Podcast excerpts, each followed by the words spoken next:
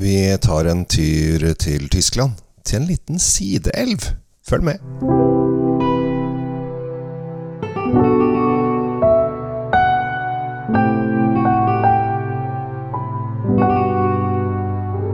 Hei og hjertelig velkommen til en ny episode av Kjell Svinkjeller. Håper at du har det bra. Det har jeg, for i dag så skal jeg prate om noe jeg er veldig glad i, nemlig tysk vin. Eh, og i og med at det er denne tiden på året, så uh, skal jeg faktisk uh, snakke om vin som man kanskje i Norge trodde var kanskje mer sommervin. Men det er nemlig i nå januar-mars Nei, januar, februar, mars som sjømat, norsk sjømat er best. Altså norske reker. Det er nå de er på topp.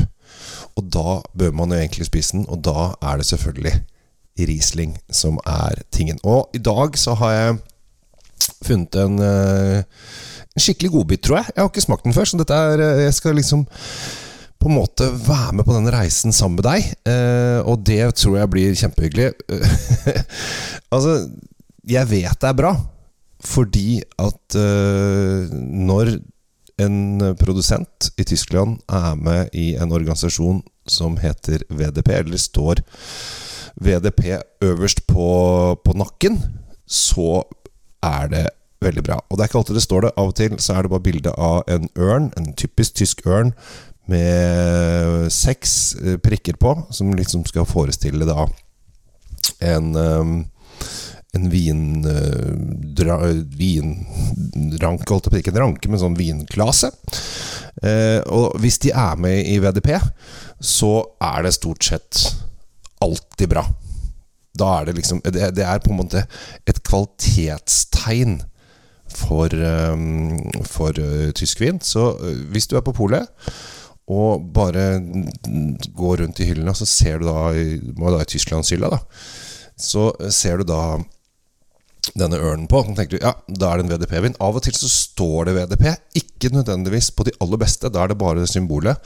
For da er det ofte VDP Gråse Laget. Det er den øverste klassen. Det er liksom det beste av det beste av det beste. Det er det jeg skal smake på her i dag. Eh, og så er det nest øverste er det Erste-laget. Og så er det Ortsvein og Godsvein. Det er de fire kategoriene dette VDP-systemet har. Og dette VDP-systemet har de holdt på med lenge. De har holdt på siden 1910. Så det er ikke akkurat nytt av året. Eh, men det er liksom eh, Hvis det står gråsgevekst eller gråselaget, og det står ofte nederst på etiketten, står det VDP, gråselaget. Og hvis det også står en GG etter navnet, så er det de beste druene til de beste vingårdene i, i Tyskland, som lager da Eh, ja, de kan lage faktisk flere typer viner. Kan både lage rødvin eh, og hvitvin. Jeg tenker over det Jeg tenker liksom først at ja, du lager Riesling, men eh, det er ikke nødvendigvis bare Riesling. Jeg har funnet en eh, Schloss Sarstein 2020. Eh, Riesling GG. Heller i glasset.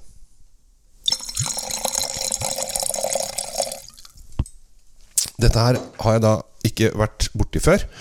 Eh, det er sånn 200 og noen eh, vinprodusenter i hele Tyskland. Og i Tyskland produseres det mye vin, men 200 produsenter, litt over 200, som er med i dette VDP-systemet.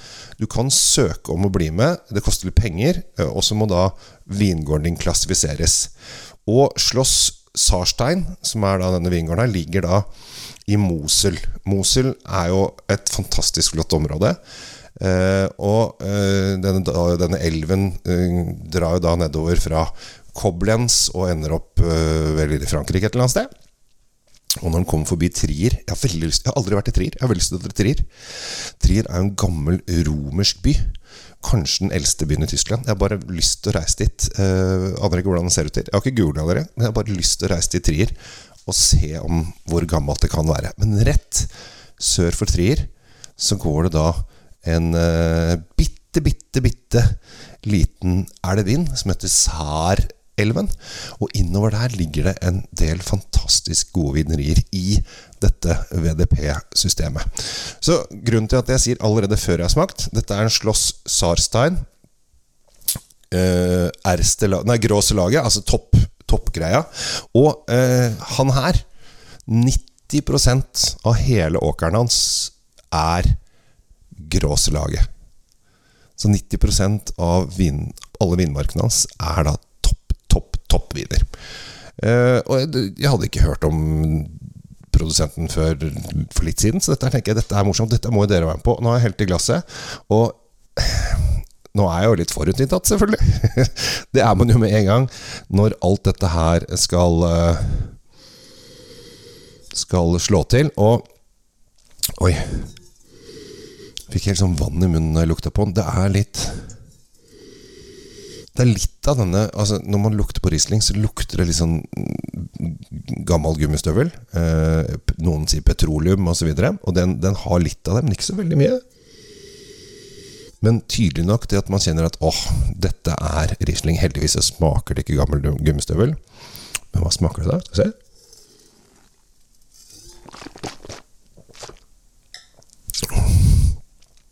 Oi. Å, den var fin. Ja da. Den fyller hele munnen din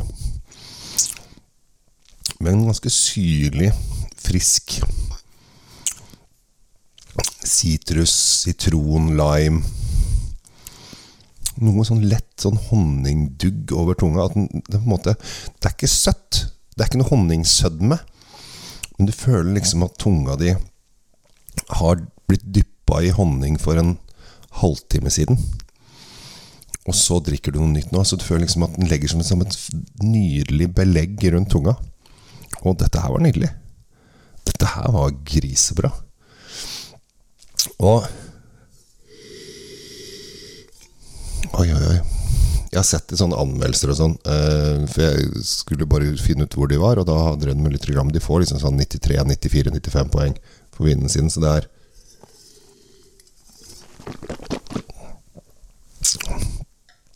Det er mange som har, har falt for dette her. Tror, I Norge så tror jeg ikke det er veldig mange som vet hvem denne produsenten er. Slott Starstein. Eh, den er ikke kommet inn på noe pol, så jeg tror ikke det er noe, så mange polansatte som, som vet det heller. 13% alkohol, 9 eh, gram sukker, men den kjennes ikke, ikke søt i det hele tatt. Det er liksom mange som skremmes av, av at den har litt grann sukker. Men det gjør jo at denne her kommer til å lagre noe helt vilt. Så dette her er egentlig ja, den var nydelig nå. Dette er egentlig en vin som blir mye bedre av lagring. Altså 2020 er altfor ungt. Denne her kan du kjøpe en kasse av nå, og så kan du la den ligge 10 år, 15 år, 20 år for den saks skyld. Og da er den enda bedre og mer utvikla. Vi er jo ikke så flinke i Norge til å å, å, å lagre Riesling, føler jeg. Eh, det er ikke så mange som gjør det, men Riesling og tyske Rieslinger, spesielt når det er liksom toppvinnende, lagrer eksepsjonelt bra. Så dette her er rett og slett en fantastisk deilig sånn konsentrasjon i denne vinen. Altså, jeg, jeg, kjenner den fortsatt. Fyller liksom eh, den, den dekker hele munnhulen med litt syrlig, frisk, leskende greier. Ja, dette var gøy.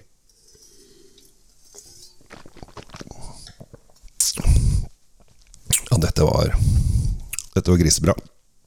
Må si hva det koster òg. For nå høres det ut som det skal koste en million.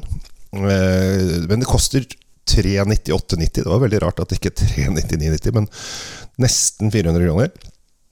Så det er en ganske eksklusiv vin. Og det er veldig mange som ikke vil kjøpe en sånn vin uten at de vet hva det er. Og det er jo litt av utfordringen, for her Denne vet, tror jeg ikke folk har fått helt øynene opp eh, for i Norge. Så her kan du være banebryteren. Så hvis du syns at, uh, at dette, det er spennende med Riesling, så anbefaler jeg å prøve denne her. Åh, den sitter så lenge. Den sitter så lenge. Dette var kjempegøy. Sloss Sarstein Riesling GG, gråstige vekst fra Erste Laget vingård 2020, er da dagens eh, kandidat fra denne bitte lille sideelven Sar. Der det kommer eh, Der det kommer ganske eh, mye kule viner. Altså Den heter jo Slott Sarstein, altså steinene ved Sar. Jeg har aldri møtt den fyren før, men jeg var inne på hjemmesiden deres og titta litt, eh, og Da er det Jeg blir spurt om hvorfor skal man besøke vineriet deres. Fordi jeg har verdens flotteste terrasse å sitte på og nyte fantastiske viner. Så er du i Trier, ta med meg gjerne, jeg har veldig lyst til å dra til Trier. Så tar vi og drar ned til Slotts Sloss Sarstein. Og så setter vi på oss på den nydelige terrassen og ser utover elvene. Alle Vinrankene går liksom ned fra terrassen. Huset ligger på en sånn knaus med masse vinåkre rundt.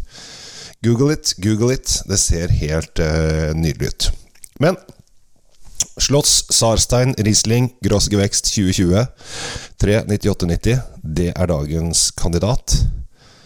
Og dette her er, altså, Nå sitter jeg jo hjemme og lager podkast i dag. Jeg tror det blir et glass ekstra denne her. Kanskje to også. Ja. Da har jeg ikke tid til å henge med deg. Så takk for at du lytter. Og så får du ha en fantastisk dag videre. Husk å abonnere, så får du melding hver gang jeg kommer med en ny episode. Hvis du liker det, da. Ha det!